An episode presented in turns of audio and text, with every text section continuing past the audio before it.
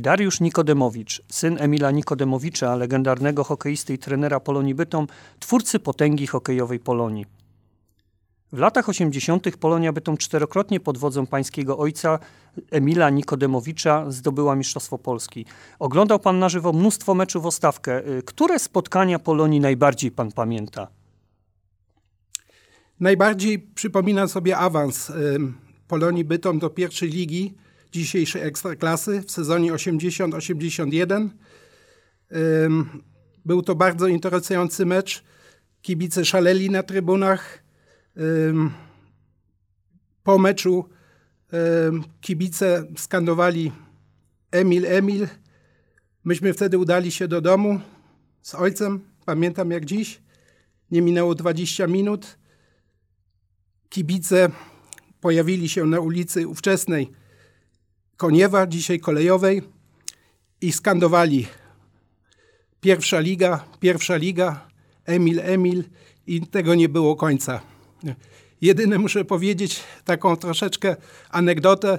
Kibice zebrali się nie wiedząc po której stronie bloku e, mieszkaliśmy. Po innej stronie bloku mieszkaliśmy, ale ojciec wyszedł też do, zawod- do kibiców i była wielka radość pod blokiem naszym rodzinnym. Po wygranych meczach kibice Polonii skandowali m.in. Krystian Sikorski, najlepszy napastnik Polski, dwie bramki Swobody, dwie bramki Sikorski, Polonia mistrzem Polski. Emil, dziękujemy. Też jak pan wspomniał, jak krzyczano pod blokiem, tylko że pomylono stronę bloków.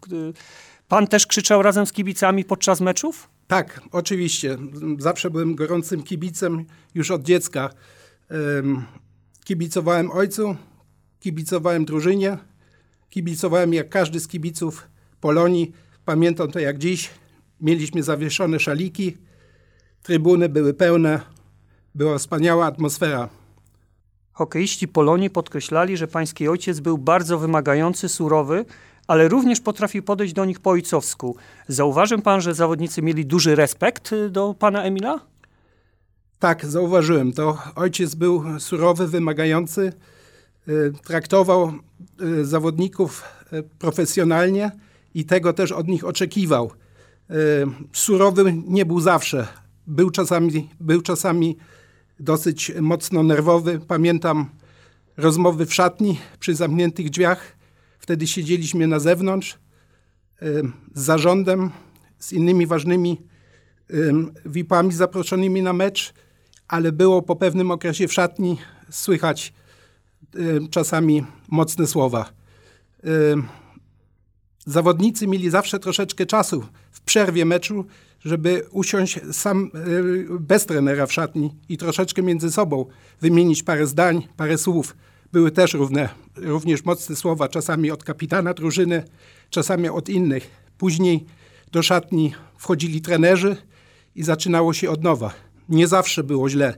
Polonia wygrywała mecze, nie trzeba było y, karcić zawodników, tylko ich chwalić, ale były momenty, w których było to naprawdę potrzebne i to owocowało na koniec.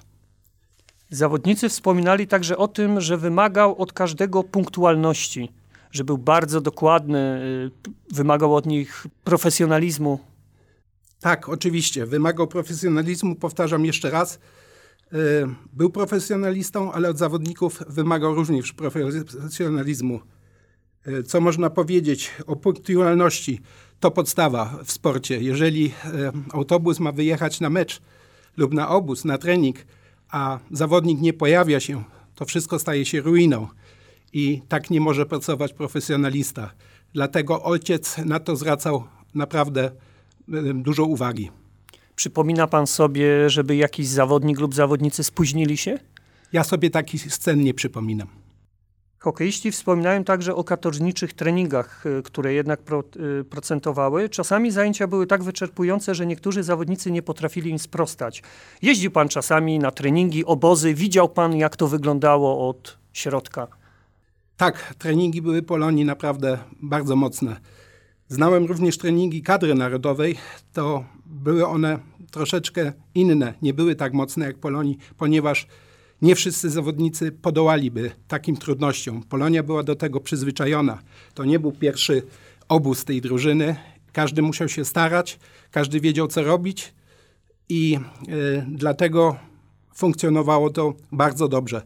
Lecz trzeba powiedzieć, że y, były to ciężkie czasy dla zawodników. Treningi rozpoczynały się już rozruchem przedśniadaniowym. Po śniadaniu była mała pauza, przerwa. Później dochodziło do pierwszego y, treningu. Po tym pierwszym treningu następował obiad. Mówię szczególnie na obozach, w których Polonia przebywała. W kamieniu, na przykład tutaj niedaleko nas.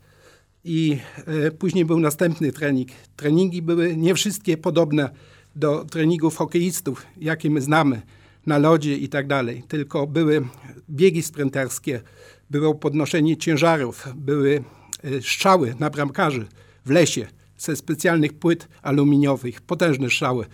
Zawodnicy byli poubierani kompletnie w sprzęt, oprócz łyżew oczywiście. Y, wyglądało to imponująco, jeżeli chodzi o obozy letnie. Jeżeli chodzi o treningi tutaj na tafli w Bytomiu i tak dalej, to było jeszcze bardziej imponujące. Treningi odbywały się w, systemie treningów gry na trzy tercje, tak jak odbywał się mecz. Między każdą 20 minut tercji wyjeżdżała rolba, musiała zrobić lód. Ojciec nienawidził złego lodu, powiedział, na tym się nie da y, trenować. Zawodnicy schodzili do szatni, odpoczęli i zaczynała się druga tercja treningów, a następnie trzecia, bardzo wyczerpujące treningi. Potężne szczały, potężne podania, grali na dwie, trzy grupy, cztery piątki, także angażowali się zawodnicy jak w mecz. Trzeba powiedzieć, gdyby ktoś się nie znał, czy to mecz, czy tylko trening, to by się pomylił. Wspomniał Pan o tym, że treningi były tak trudne i tak ciężkie i nawet Y, bardziej wymagające niż y, w reprezentacji Polski. Tak, ponieważ można było bardziej obciążyć drużynę Polonii Bytom z tego względu, że była bardzo natrenowana.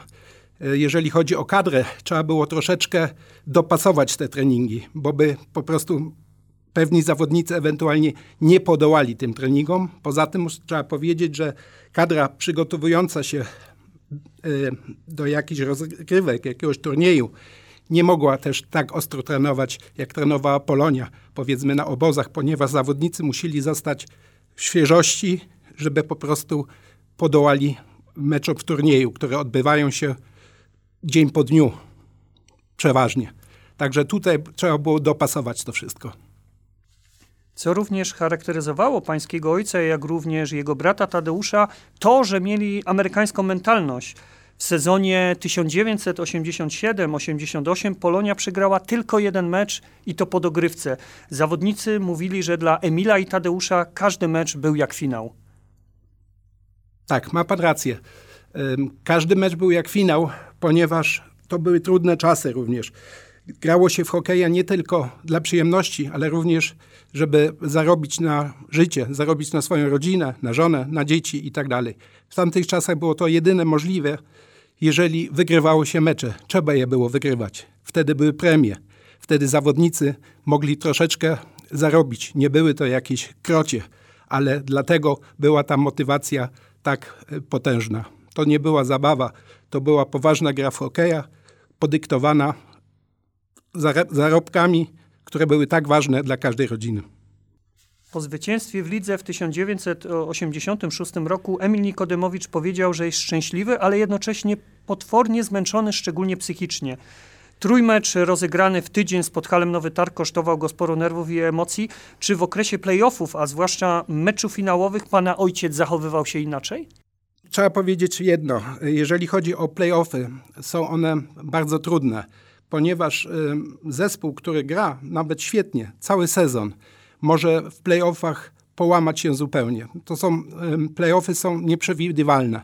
Można wygrać jeden mecz, można wygrać drugi mecz, a następny przegrać. Dlatego była duża nerwówka. Trzeba powiedzieć, że jeżeli chodziło o playoffy, to przygotowanie całego sztabu szkoleniowego, również kierownictwa, masażystów i wszystkich było bardzo ważne. Wtedy była naprawdę duża motywacja. Oczywiście Taka motywacja odbija się na psychice, ale y, tak źle nie było. A właśnie, jak pański ojciec wspominał karierę zawodniczą, bo wiadomo, że w latach 50. i 60. hokeiści nie mieli kasków, tylko używali y, na głowie, mieli czapki, berety, kaszkiety. Dzisiaj trudno sobie to nam wyobrazić. To prawda, trudno sobie to wyobrazić. Wtedy hokej był zupełnie inny. Chociaż dla kibiców z tamtych czasów nie wydawał się inny. To był hokej taki, jak był w tamtych czasach. Oczywiście sprzętu takiego jak dzisiaj nie było, dlatego hokej był nie tak szybki jak dzisiaj, nie był tak agresywny jak dzisiaj, nie było tak potężnych strzałów jak dzisiaj. Jeżeli chodzi o sprzęt, to faktycznie zawodnicy byli na tamte czasy słabo wyposażeni, tak jak pan powiedział. Było dużo kontuzji, łuki brwiowe, uderzenia głowami. E, bramkarze mieli problemy oczywiście e, e, ze wszystkim przy strzałach. Parkany były cieniutkie każde uderzenie krążkiem bolało, siniaki i tak dalej. Także to wspominał ojciec, że to było nieporównywalne do dzisiejszych czasów. Ale jak, jak powiedziałem, dla kibiców z tamtej epoki, z tamtych czasów było to normalne. Oni to uznawali jako zupełnie normalną rzecz, taką jak my w tej chwili widzimy przy normalnym sprzęcie zawodowym hokeistów, który umożliwia oczywiście zupełnie inną grę, szybszą, agresywniejszą, mocniejsze strzały, bezpieczniejszą moim zdaniem oczywiście. Znamy przecież te kaski nowoczesne, szybki, zabezpieczające oczy, twarz. Wtedy tego nie było, a wiadomo, co mogło się stać oczywiście bez takiej szybki z twarzą, z, z okiem, z zębami i tak dalej. Także tak to wyglądało. Takie jest porównanie tamte czasy, a dzisiejsze czasy. Nie ma żadnego porównania w tym. Pana Emila i jego brata Tadeusza Nikodemowiczów określano złotym duetem, bo jako trenerzy uzupełniali się. Y, czy czasem była to burza mózgów, czy jednak zawsze do pana ojca Emila należało to ostatnie zdanie? Jeżeli chodzi o duet Tadeusza i Emila Nikodemowiczów, uzupełniali się bardzo dobrze. Y, współpracowali świetnie. Ojciec zajmował się swoimi sprawami na lodzie, Tadeusz innymi. Ale obydwoje e, tworzyli bardzo dobry duet. Jeżeli chodzi oczywiście, tak jak pan pytał, o ostatnie słowo, to jednak należało one do ojca jako trenera głównego prowadzącego. Tak jak jest w każdym innym sporcie, dyscyplinie. To akceptował również Tadeusz. Tadeusz był asystentem, bardzo dobrym asystentem, ale ostatnie słowo należało jednak do ojca jako trenera głównego. Nowe lodowisko będzie nosić imię braci Nikodemowiczów. Jak pan zareagował na informację, że Złoty Duet będzie patronem hali lodowiska przy ulicy Pułaskiego 71?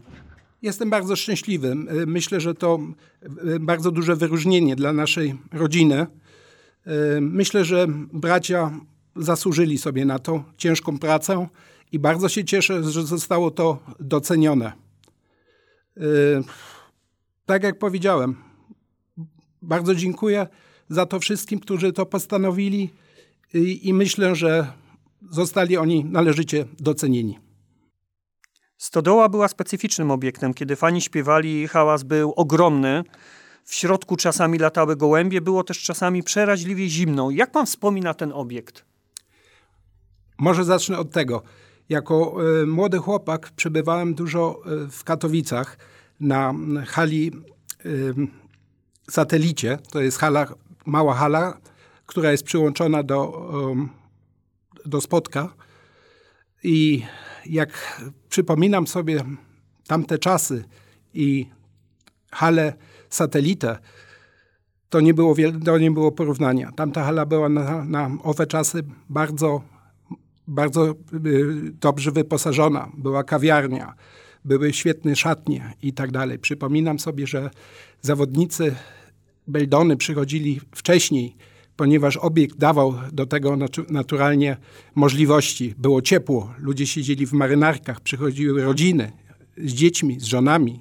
Żony czasami nie miały pojęcia o hokeju, ale przebywanie na takich obiektach było bardzo interesujące i fascynujące. Jeżeli porównać to do naszej bytomskiej, ukochanej stodoły, na której tyle dobrego się wydarzyło w tych czasach, to jest naturalnie e, troszeczkę za mało, co ten obiekt dawał.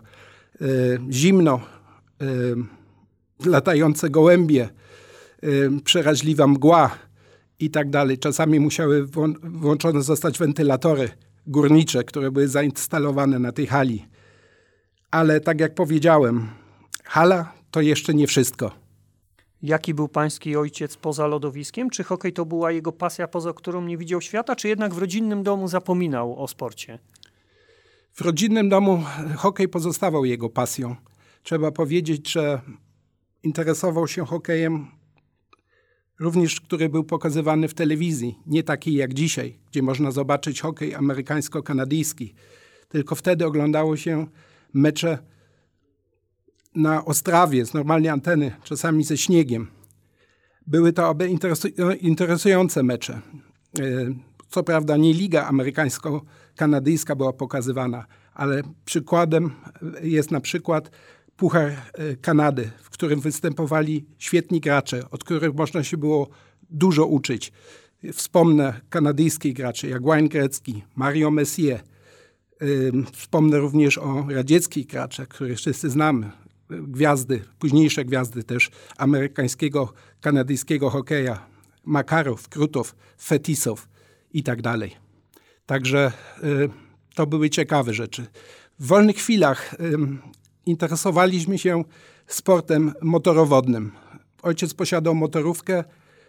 Wyjeżdżaliśmy na Przeczycę. Wtedy było jeszcze pływanie na motorówkach dozwolone.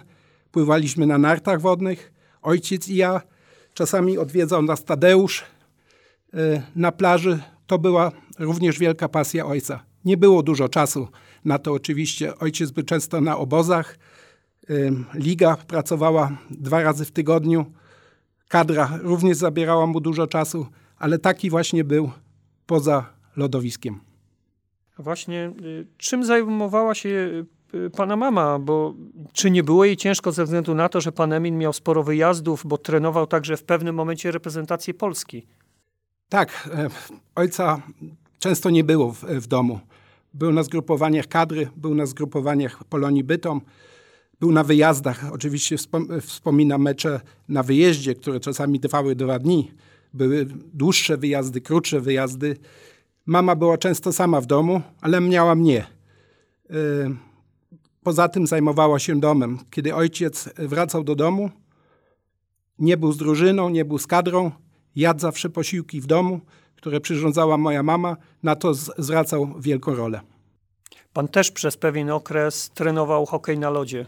Tak, jako mały chłopak jeszcze w szkole podstawowej trenowałem troszeczkę y, y, na lodzie, grałem w hokeja, bo to była również moja pasja naturalna, oczywiście mając ojca trenera.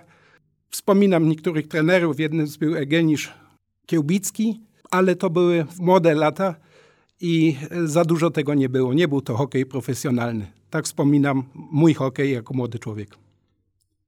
Jaka jest najcenniejsza pamiątka, jaką pan posiada po ojcu? Uważam, że najcenniejszą pamiątką są jego łyżwy, które zostawiłem sobie i zostawię również w domu. E, to jest pamiątka po ojcu i pamiętny mecz, którego sam filmowałem o Mistrzostwo Polski między Polonią Bytą a Naprzodem Janów, wygranym wtedy 6-1 e, w ciągu trzech meczy w playoffie. Była tam du duża nerwówka również, ponieważ Janów był drużyną, która była nieobliczalna. Mogła zmienić się z meczu na mecz. Chociaż Polonia miała przewagę już dwóch meczy w playoffie. Trzeci został wygrany bardzo wysoko. Tutaj ojciec Abel miał um, duże, duże um, dużo martwił się po prostu, jak zakończy się ten sezon. Udał się oczywiście pięknie. Tak jak wspominałem, trzecim meczem wygranym 6-1 i tak to, tak to wyglądało. Właśnie, w pewnym okresie pan y, też y, był y, operatorem kamery w Polonii Bytom. Proszę więcej o tym powiedzieć? Tak. Końcówce lat 80. byłem przez pewien okres operatorem kamery, o którą ojciec bardzo walczył, zabiegał wiele, wiele lat. W końcu udało się to pozyskać. Nagrywaliśmy wtedy każdy mecz wyjazdowy, i u siebie. Później było to analizowane w salce na górze przy lodowisku, przy stodole.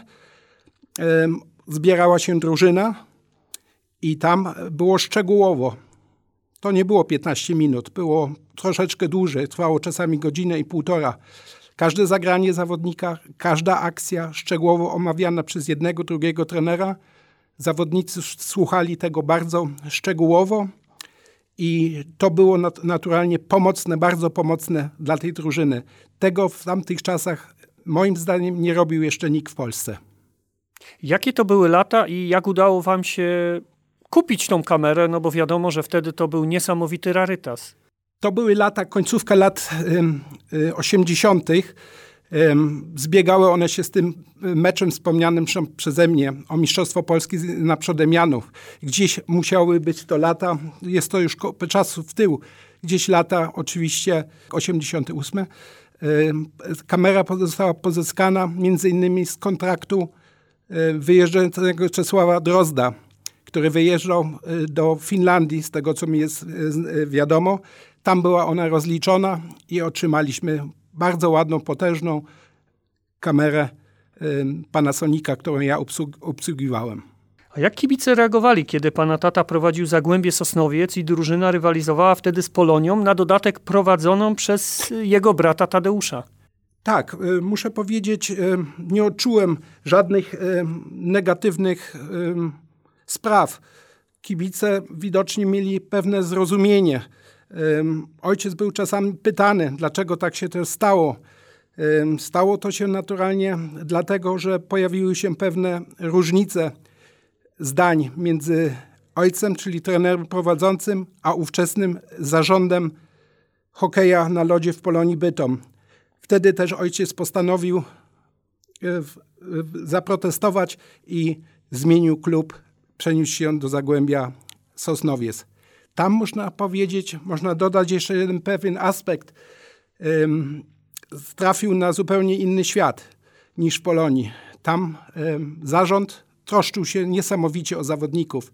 Pamiętam taką sytuację, że Zagłębie Sosnowiec przegrało nawet wysoko, jeden mecz na wyjeździe. Wracając do domu, zarząd zorganizował szwedzki stół dla zawodników w nocy, żeby zawodnicy nie wrócili do domów, do śpiących żon, głodni i na następny dzień nie byli gotowi do treningów. Tego w Polonii niestety nie było.